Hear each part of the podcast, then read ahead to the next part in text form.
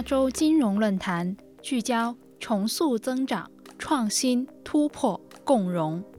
普华永道于论坛上阐述观点。It's all about digital transformation of this uh, financial new era and how technology is redefining business models and hence business perception of growth. 论坛第二日的专题午餐会，普华永道探讨普惠金融。PwC is actually very delighted to have the opportunity to host Professor Abhijit Banerjee, who is the 2019 Nobel laureate for economics. There is a need to build inclusive economies with inclusive growth and financial inclusion is one key dimension.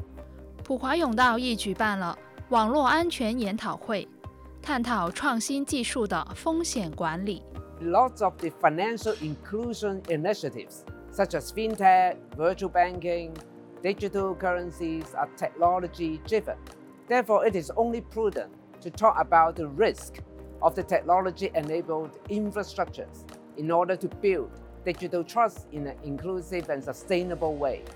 普华永道的核心价值包括建立社会互信及梳理重要问题。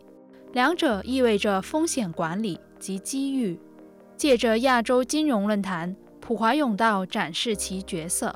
Over the years, it has proven itself as one of the most important platforms that brings together multiple stakeholders in the financial and business community and the government to exchange and advance conversations that are matter most in society today.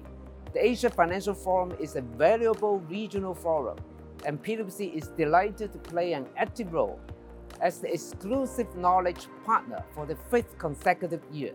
It is a great business platform to kickstart the decade for delegates from around the world to get together and discuss the latest trends and innovation.